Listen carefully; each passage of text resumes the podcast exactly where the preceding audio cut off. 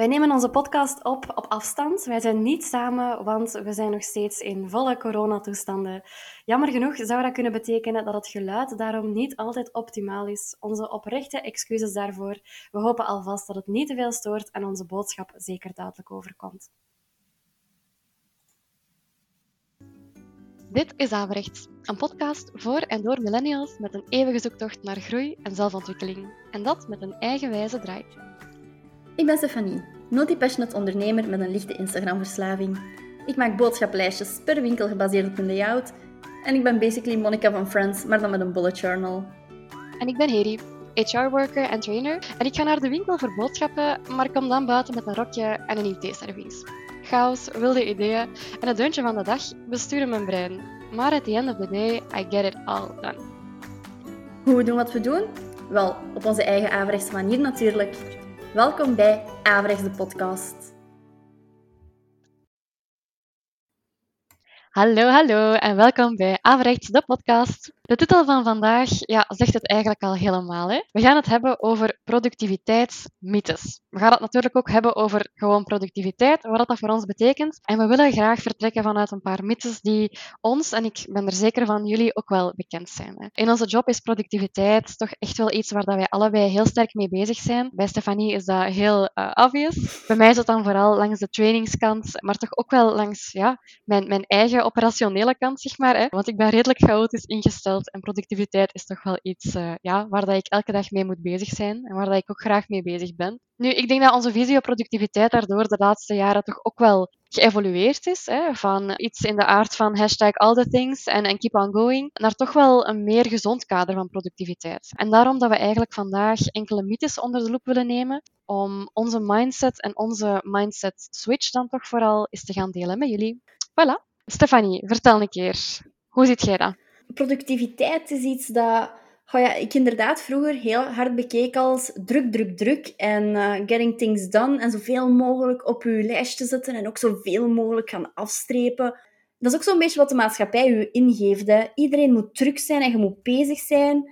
En een overvolle agenda, dat is productiviteit. Newsflash, it isn't. Ik heb de laatste jaren geleerd dat voor mij productiviteit eigenlijk is dat je op een gezonde manier je werkgerelateerde doelen gaat behalen. En met een grote nadruk op, op een gezonde manier. Je kunt perfect ook je werkgerelateerde doelen gaan behalen door 20 uur per dag te gaan werken en dan niet te slapen. Dat is niet gezond. We willen dat op een gezonde manier doen die in balans is met andere aspecten in je leven. Dus we willen niet meer van druk, druk, druk. Wat we ook al zeiden in die eerste episode rond routines. Die een druk, druk, druk, dat is iets waar we van weg willen. Maar voor mij is productiviteit eigenlijk prioriteitenmanagement. En ook een beetje management van je energie. En heeft dat niet echt iets te maken met time management of met zo, ja, een quick fix eigenlijk. Ik denk dat je daarvoor een beetje zo voor productiviteit een mindset shift moet gaan maken. Van getting things done naar getting valuable things done. En dat is iets dat ik heb geleerd uit het boek Deep Work van Cal Newport. En voor u, die productiviteit, wat betekent dat? Ja, voor mij, ik denk dat je daar juist zei, energiemanagement, dat dat voor mij toch wel echt op nummer 1 staat. Productiviteit is voor mij meetbaar, bij mijzelf dan toch. Als ik aan, het eind van de dag het gevoel heb van, oké, I got shit done. En ik kan echt een ganse dag echt wel dingen gedaan hebben en veel mailtjes verwerkt hebben en veel administratie gedaan hebben en wat dan ook. En toch het gevoel hebben van, wat heb ik nu in godsnaam gedaan vandaag? Ken je dat gevoel? Ja, ik denk dat dat zo'n beetje is. Ik heb dan langs ook nog tegen iemand gezegd dat je zo heel de tijd in reactief werk zit. Van er is brand, ja, ik ga hier een emmer water pakken en er hem overkappen. Dat is niet productiviteit, dat is inderdaad bezig zijn. Terwijl de, als je proactief gaat werken en ja, die brandjes en zo gaat voorspellen, en als er dan iemand een brand, ja, dat er ineens een brandje naast u dat je zoiets hebt van oké, ik kan dat brandje nemen en ik kan het blussen, want in mijn manier van werken is daar ruimte voor. Dus ik denk dat ik perfect wel snap wat je daarmee wil bedoelen. Ja, exact. Dat is ook wat ik bedoel. En ik denk, ja, dat is misschien een beetje een controversieel eh, statement dat ik ga maken nu, maar corona en heel deze situatie heeft mij daar toch wel een beetje in geholpen. Want ik denk, pre-corona, ik was er toen ook al redelijk goed in, maar ik moet eerlijk toegeven dat het toen moeilijker was voor mij om nee te zeggen aan iemand die aan mijn bureau stond. Of iemand die mij spontaan even belde, of wat dan ook, hè, die ik gewoon zag staan. En nu met dat thuiswerken gebeurt dat minder, wat ik super, super jammer vind, hè, natuurlijk. Langs de ene kant. Maar langs de andere kant geeft mij dat ook wel echt de ruimte om ja, dingen beter in te plannen en om daardoor echt mijn productiviteit enorm, enorm te gaan verhogen. Dus ja, elk nadeel heeft zijn voordeel zeker. Ja. ja, dat is wel herkenbaar. Want ik denk dat wij alle twee zo wel een beetje zo die people pleaser in ons hebben. En ook al hebben we die mindset van productief zijn en we willen ons werk doen, die inner people pleaser gaat nog altijd groter zijn. Waardoor dat inderdaad soms moeilijk is, de prioriteiten dat je dan voor jezelf hebt gesteld, om die te gaan communiceren en om die dan ook gaan vast te houden. Dus ja, zeker en vast herkenbaar. En ik denk ook dat voor mij corona en die fysieke afstand van mensen het me wel makkelijker heeft gemaakt om nee te durven zeggen en om vast te gaan houden aan mijn eigen productiviteitssysteem, om het zo te gaan noemen. Inderdaad. Ik denk dat nee zeggen, we gaan daar zeker ook nog verder op terugkomen in latere afleveringen. En nee zeggen tegen iemand anders is eigenlijk ja zeggen tegen jezelf. Dus uh, ik zou zeggen, Blijf gerust luisteren naar de andere afleveringen, want daar komen we zeker nog op terug. Maar vandaag gingen we het hebben over mythes, dacht ik, Stefanie. Vertel eens een paar van die mythes. Ja, ik noem ze mythes, maar je kunt het nu niet zien. Ik ben aanhalingstekens aan het doen in de lucht. Eigenlijk zo'n beetje vier grote dingen die ik zo vaak hoor als ik eh, workshops en trainingen geef of webinars over die productiviteit. Zo dingen die vaak terugkomen, zo die ja-maars. Eigenlijk had ik ze gewoon de ja-maars moeten noemen. En toen we deze aflevering aan het voorbereiden waren, was weer al heel duidelijk dat wij er allebei op een heel andere manier mee omgaan. Dus ik hoop dat onze luisteraars uh, hier heel veel gaan uithalen, om zo eigenlijk een beetje voor zichzelf een productiviteitssysteem gaan op te zetten. Ik denk dat dat een beetje de opzet is. En de vier mythes, of maar datjes, of wat we ze ook willen noemen, die we gaan bespreken, is het uh, eat the frog versus eat the chocolate principe. Daarna gaan we het eventjes hebben over multitasking versus singletasking. Daarna over de Pomodoro en de Arancia-techniek. En tot slot, ga eentje waar ik zoveel wordt op aangesproken. We hebben het ook al aangehaald in onze eerste aflevering. Namelijk digitale tools versus werken op papier. Ik stel voor dat we direct gaan induiken, Hedy. En uh, dat we het eventjes gaan hebben over die Eat the Frog en Eat the Chocolate. Geweldig.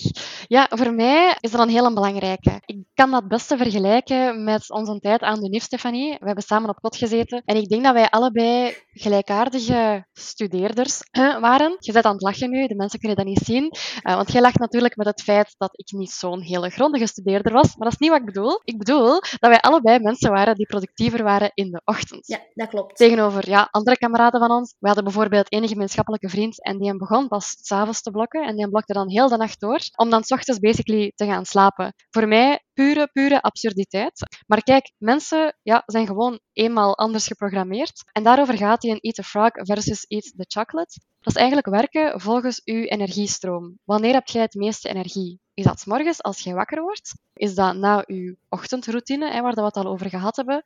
Of krijgt jij pas echt die energieboost na de middag, of zelfs pas s avonds of s'nachts? Ik denk voor de meeste uh, werken is dat best wel moeilijk, mocht je dat enkel s'nachts krijgen. Maar bij mij is dat alleszins s ochtends. En ik ben iemand die ja, volgens het Eat the Frog-principe werkt. Wat bedoel ik daarmee? Eat the Frog, voor mij is dat dan, ik ben s'morgens het meest energiek en het meest productief eigenlijk ook wel. Dus ik moet dan zien dat ik de taken afkrijg waar dat ik geen energie van krijg.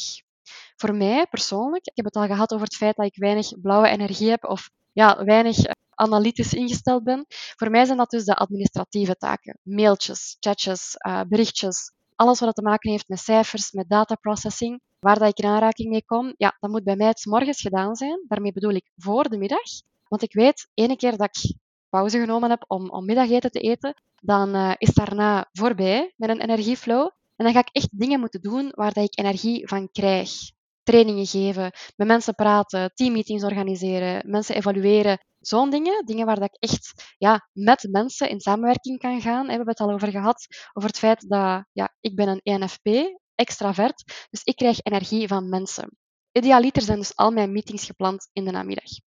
Nu, dat is niet bij iedereen zo. Hè? Daarom zijn wij ook zo mooi averechts. Stefanie, vertel een keer wat meer over het Eat the Chocolate-principe. Ja, die Eat the Chocolate. Ik moet even daarvoor credits geven aan een van mijn coaches. Katrien, als je luistert, hè, credits to you. Want zij was daarmee op de proppen gekomen in een van haar stories. En ik heb dat gewoon blijven gebruiken sinds dan. En eat the chocolate, dat wil eigenlijk gewoon zeggen dat je op het moment dat je in je energiestroom zijt, je die energie wilt gaan bewaren. En dat je dus inderdaad dingen gaat doen die je energie gaan geven. Net als Hedy heb ik het meeste energie in de voormiddag, niet ochtends. We weten allebei dat ik een grumpy ochtendpersoon ben, zeker voor mijn eerste tas koffie. Maar in de voormiddag stroomt mijn energie wel. En bij mij helpt het dan super hard om zo mijn grote projecten, cursussen uitwerken, echt zo gaan brainstormen, die creativiteit laten stromen, dat moet ik dan doen. Als ik dan moet gaan beginnen met administratie, nagel aan mijn doodskist, of ja, ik weet dat ik blauw ben, maar cijfertjes, dat is ook zo wel ietsje minder mijn ding. Dus zo facturen opstellen en zo, mailtjes beantwoorden, not my kind of thing. Dat moet ik doen wanneer mijn energie niet stroomt. En dat is in de namiddag. Na de middagpauze is dat bij mij echt even buh. En dan ga ik dat soort kleine taakjes doen, omdat dat gewoon, ja, dat vraagt ook niet dezelfde manier van commitment en uh, concentratie. Ja, voor mij, dergelijke kleine taakjes, Stefanie, als ik die dan in de namiddag zou plannen, hè, bijvoorbeeld met een mailbox, zeg zo maar iets, of, bijvoorbeeld een of andere data-analyse doen, dan is bij mij het grote gevaar dat ik het niet ga doen. Ik heb daar geen energie voor en dan ja, zie ik die taak, die onoverkomelijk lijkende taak dan voor mij op dat moment liggen en dan denk ik, nee, ik ga dat gewoon niet doen, want dat gaat mij gewoon nog meer energie zuigen. Hè. Ga nog meer energie van mij vergen. Dus ja, dat is dan echt het verschil tussen ons beiden. I could not do that. Ja, en ik denk dat nog een verschil is. Jij zei daar straks van, ah, in de namiddag opleidingen en zo. Want ja, extravert en dat geeft me energie. Ik ben introvert. En mensen, allez, mensen vragen energie, dat is ook niet helemaal waar. De juiste mensen vragen geen energie van mij. Maar ik merk wel het laatste jaar met zo heel veel dat online zijn en die calls en zo, probeer ik dat ook al zo... Ja, als ik al dat concentratiedipje heb, zo bepaalde calls te gaan zetten omdat ik dan weet van, oké, dat gaat niet het grote denkwerk gaan vragen, sommige van die calls. Soms is dat gewoon een keer afstemmen met andere mensen. Of soms is dat dan ook net wel die juiste mensen die mij energie gaan geven, dat ik dan ga plannen. Dus het is zo'n beetje zoeken en wat dat voor jou het beste werkt. Ik heb bijvoorbeeld s'avonds, heb ik ook vaak nog zo'n energie sprang zo een keer een uur of vijf, zes. En ik heb dat echt al gehad. Dat ik dan soms zo, als ik alleen ben, dat ik zo tot elf uur s'avonds non-stop geconcentreerd kan doorwerken ook. Ja, dat is super zot. Ik heb exact hetzelfde. Maar dan wel aan chocoladetaken. Bij u dan ook, als je s'avonds nog een energieflow krijgt, zijn het dan kikkers of chocolade? Ah, wel, ik vind dat een goede vraag. Ik denk dat dat inderdaad voor mij vooral ook chocoladetaken zijn dan, als ik het zo mag noemen. Hè? Want bijvoorbeeld, een goed voorbeeld, ik heb um, ons logo getekend voor onze podcast.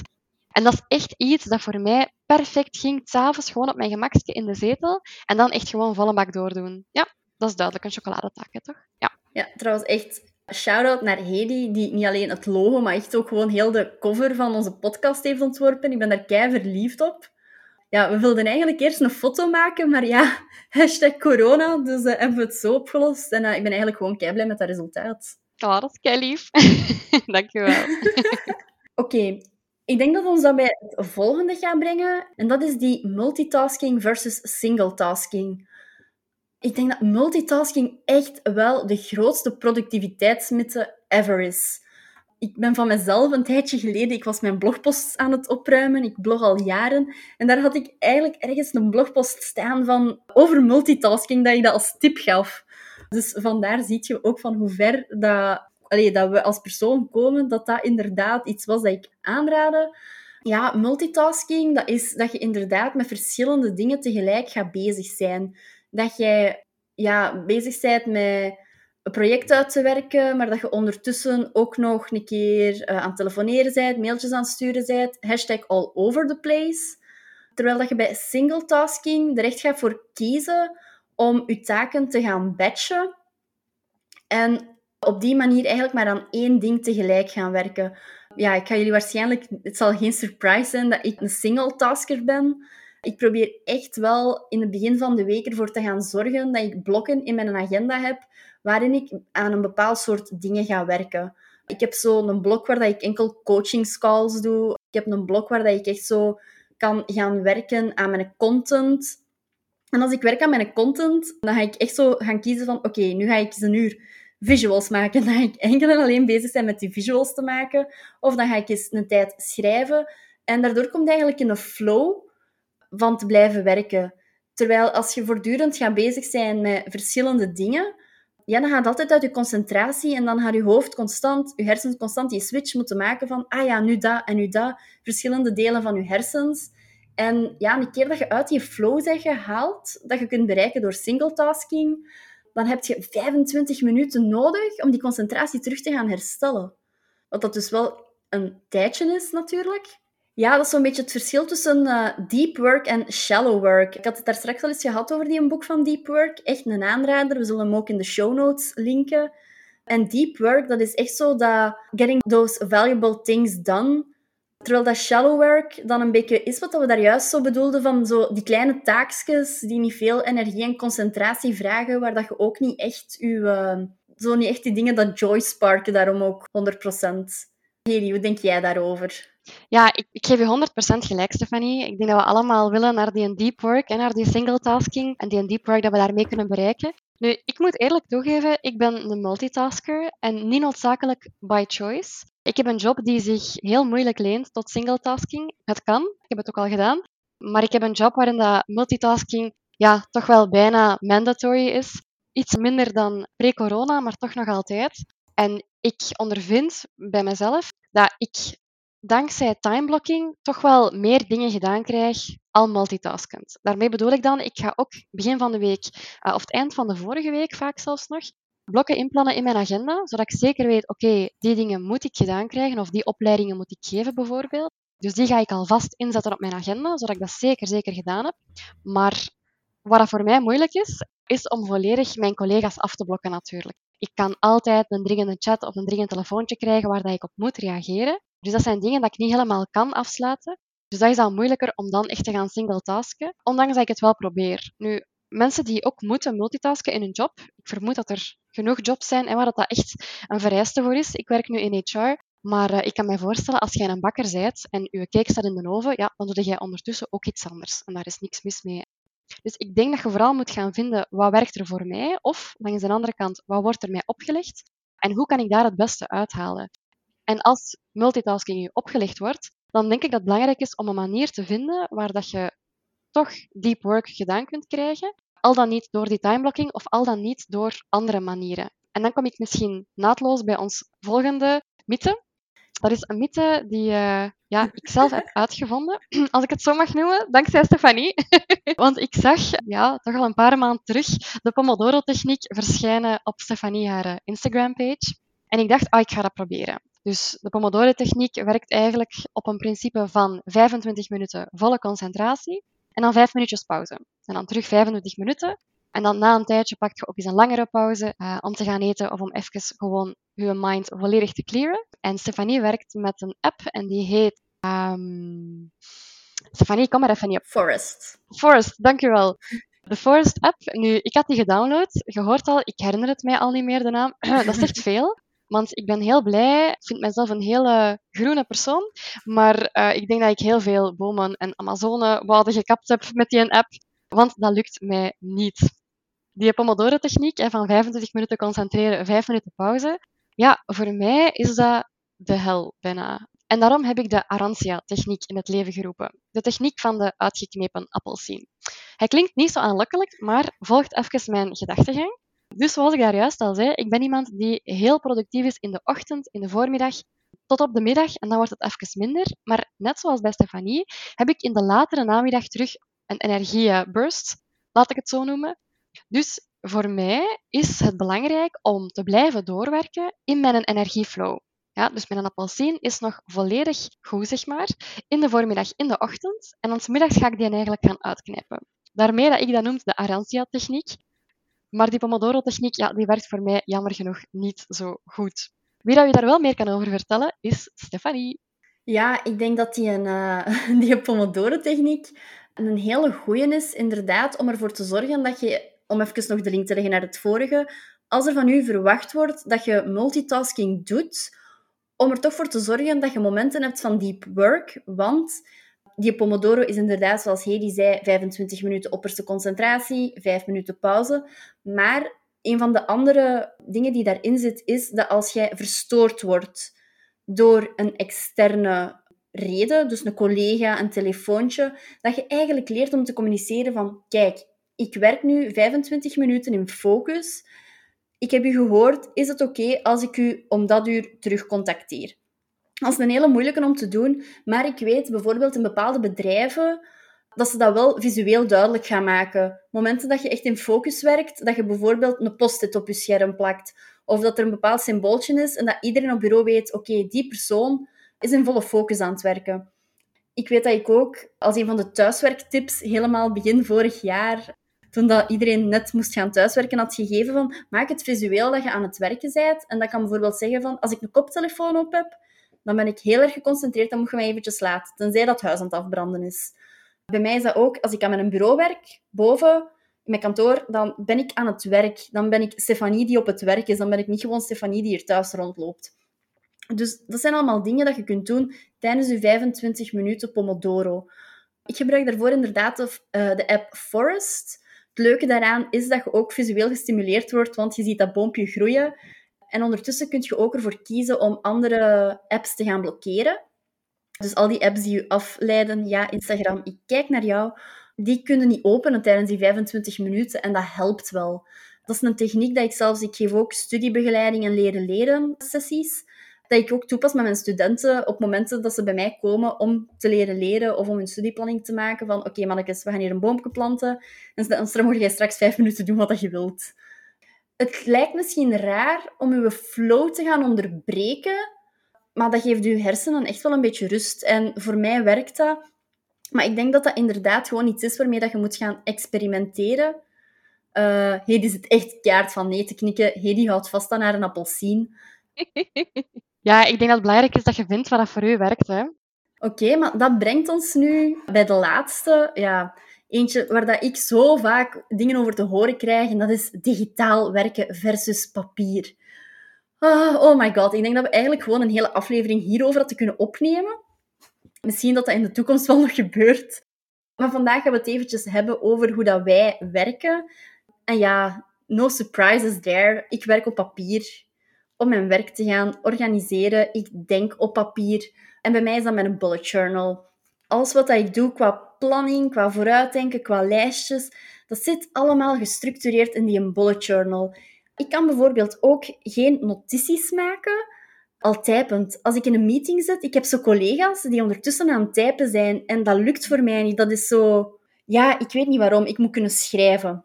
Bijvoorbeeld ook mijn contentplanning maken of creatieve ideeën uitwerken. Ik kan dat niet zomaar om een of andere reden gaan doen digitaal. Ik kan zo niet denken. Ik moet mindmaps maken, ik moet kunnen tekenen, ik moet daar kleurtjes bij nemen. Je wilt echt niet weten hoeveel van mijn projecten en cursussen ontstaan zijn op een blaadje papier. Mensen die ooit mijn masterclass hebben gevolgd, Get Your Shit Together, die hebben op het einde mijn papiertje gezien van hoe dat mijn masterclass er in mijn hoofd uitzag. Dat was gewoon één A4'tje volgekribbeld. En dat is hoe dat ik werk. Dat gezegd zijnde heb ik ook wel Notion, waar dat Hedy nog meer gaat over vertellen. Omdat nu gewoon, ja, we leven in coronatijden, we werken van thuis, maar er zijn wel heel veel projecten waarvoor ik samenwerk met andere mensen. En dan is dat papier natuurlijk net iets minder handig. Ook al heb ik daar mijn systeem in gevonden, ook al werkt dat supergoed voor mij. Het is wel gemakkelijk om gewoon iets digitaal te hebben waar dat je met twee mensen aan kunt. Ik heb dat nu ook al aangemaakt voor klanten die mij info moeten doorgeven. Dus, maar voor mij is papier wel mijn go-to place. Maar bij Hedy niet. Nee, inderdaad. Ik denk dat dat ook aan, mijn, aan het type job ligt dat ik doe. Maar voor mijn werk en daar maak ik wel echt een belangrijke kanttekening. Voor mijn werk hou ik het graag zoveel mogelijk digitaal. Ik ben iemand chaotisch. Ik ben iemand die, uh, hoe dat mijn mama het zou zeggen, mocht mijn hoofd niet vastzitten, ik was het al lang ergens kwijtgeraakt. Mama, als je aan het luisteren bent, this one's for you. Ik hoor het er zo zeggen. Ja, dat is echt zo. Dus ja, papiertjes. Ik ben iemand die ook graag schrijft. Echt eerlijk waar. En vroeger ja, schreef ik ook alles neer, al mijn ideeën, al mijn to-do's, alles op papier. En dan natuurlijk de dag nadien, de dingen die ik niet had afgevinkt de vorige dag. Dat was dan heel erg jammer, want dat lijstje was weg. Of dat papiertje was weg, of wat dan ook. Dus dan ben ik beginnen werken met schriftjes op mijn werk. Dat ging al, natuurlijk al veel beter. Maar ik moet echt zeggen dat er voor mij toch wel het licht aan de tunnel was Notion. Ken Notion nog niet zo heel lang, nog maar een paar maanden. Maar de dingen die ik ondertussen ontdekt heb, zijn zo mind-blowing. Ja, dat ik toch wel moet zeggen dat Notion voor mij momenteel echt mijn go-to is voor alles. Je kunt je persoonlijk leven daarop, daarin organiseren. Bijvoorbeeld, ik heb daar al tripjes in gepland. Binnenkort gaan Tom, mijn verloofde, en ik een hondje nemen. Spannend! Super spannend. Ik heb ook al gepland wat we allemaal gaan nodig hebben voor dat hondje, maar langs de andere kant ook home improvement plans opgesteld. De tuin afbakenen, het verbouwen tot gigantisch mooi, super deluxe hondenhok. Allee, je kunt het zo zot niet bedenken. Of ik zet het in mijn Notion, maar ik gebruik het natuurlijk vooral voor mijn werk. En het is zo handig, want je kunt allerlei verschillende tools ook importeren in Notion. Van Google Drives tot PDF's tot filmpjes en muziek. Alles wat je maar kunt bedenken, kun je ook importeren in Notion. Dus ja, het is hier zeker geen uh, sponsoring voor Notion. Allee, wij krijgen zeker geen premie voor Notion hier even aan te prijzen. Maar uh, ik ben er echt compleet, compleet zot van. That being said, heb ik ook nog altijd mijn schriftjes en mijn bullet journal en mijn verslaving aan schriftjes en leuke stiftjes en uh, wat dan ook. Hè. Ik denk dat Stefanie dat deelt met mij. Uh. Dus ja, ik, ik ga het zeker niet zwart-wit zien. Het is niet het een of het ander voor mij. Maar voor mij werkt dat digitale juist zo goed in mijn chaotische way of life. Ja, dat dat voor mij toch wel iets is dat ik op één plek alles kan bij elkaar houden. En het best van al, ja, dat hoofd zit vastgeschroefd. Ik kan dat nooit verliezen. En dat is toch wel echt voor mij de grootste plus, denk ik. Ja, ik denk dat het echt gewoon belangrijk is om inderdaad een keer zo te gaan oplijsten van wat zijn mijn noden in een systeem en dan te gaan bepalen van, kan ik dat best digitaal doen of op papier, maar ik ga er echt van uit dat het een het ander niet uitsluit. En ik denk dat dat nu zo wel vaak geprojecteerd wordt van, oftewel zet je digitaal, oftewel zet je op papier. Ik denk dat dat mooi op elkaar kan aansluiten en dat je dan gewoon bij eender wat dat je kiest van systeem of tool in je achterhoofd moet houden van, is dit de beste manier om te doen wat ik wil doen? En gaat dit bijdragen aan het leven dat ik wil leiden? En gaat dit bijdragen aan de manier waarop ik wil werken? Maar dat klinkt weer zweverig, hè? Ah, wel, ik vind dat eigenlijk niet. Ik vind dat dat eigenlijk mooi past, Stephanie, binnen onze aflevering dat draait rond doelen en visies en, en moodboards, zeg ja. maar. Dus ik zou zeggen, maak jezelf eens een moodboard of stel jezelf eens een doel van wat heb ik nodig? Hè? Wat kan ik het beste in mijn persoonlijkheid. Doe een keer een persoonlijkheidstest uit de vorige aflevering. en ga eens kijken, wat heb ik nodig op basis van mijn persoonlijkheid? En probeer dat dan te verenigen met wat voor werk dat je doet. Hè? De doelen die je wilt gedaan krijgen in je werk. En dan gaat je volgens mij heel duidelijk zien wat dat voor u het beste werkt. Oké, okay. ik denk dat wij alles hebben gezegd wat we wilden zeggen. Dus ik ga jullie bedanken om te luisteren. Volgende week zijn we er opnieuw op woensdag. Zoals altijd vind je in de show notes links naar boekjes en andere dingen die we hebben gezegd. Ah, en ik heb nog iets leuk voor ik het vergeet. Voor wie helemaal into bullet journaling is of er meer wil over leren, ik heb er twee online cursussen over. Een starterscursus en een cursus Organiseer je werk met een bullet journal. En met de code AVREGS krijgen jullie erop 10% korting. Dus we zullen ervoor zorgen dat die links naar de cursussen zeker ook in de show notes staan. Vergeet ons intussen zeker en vast niet te taggen met averecht.depodcast. Als jullie uh, aan het luisteren zijn, deel het in je stories. We zouden het kei leuk vinden als er nog meer mensen onze podcast leren kennen. En uh, ja, we zijn volgende week terug. En dan gaan we vertellen over Mojo het aapje. Oeh, spannend. Tot volgende week. Tot volgende week.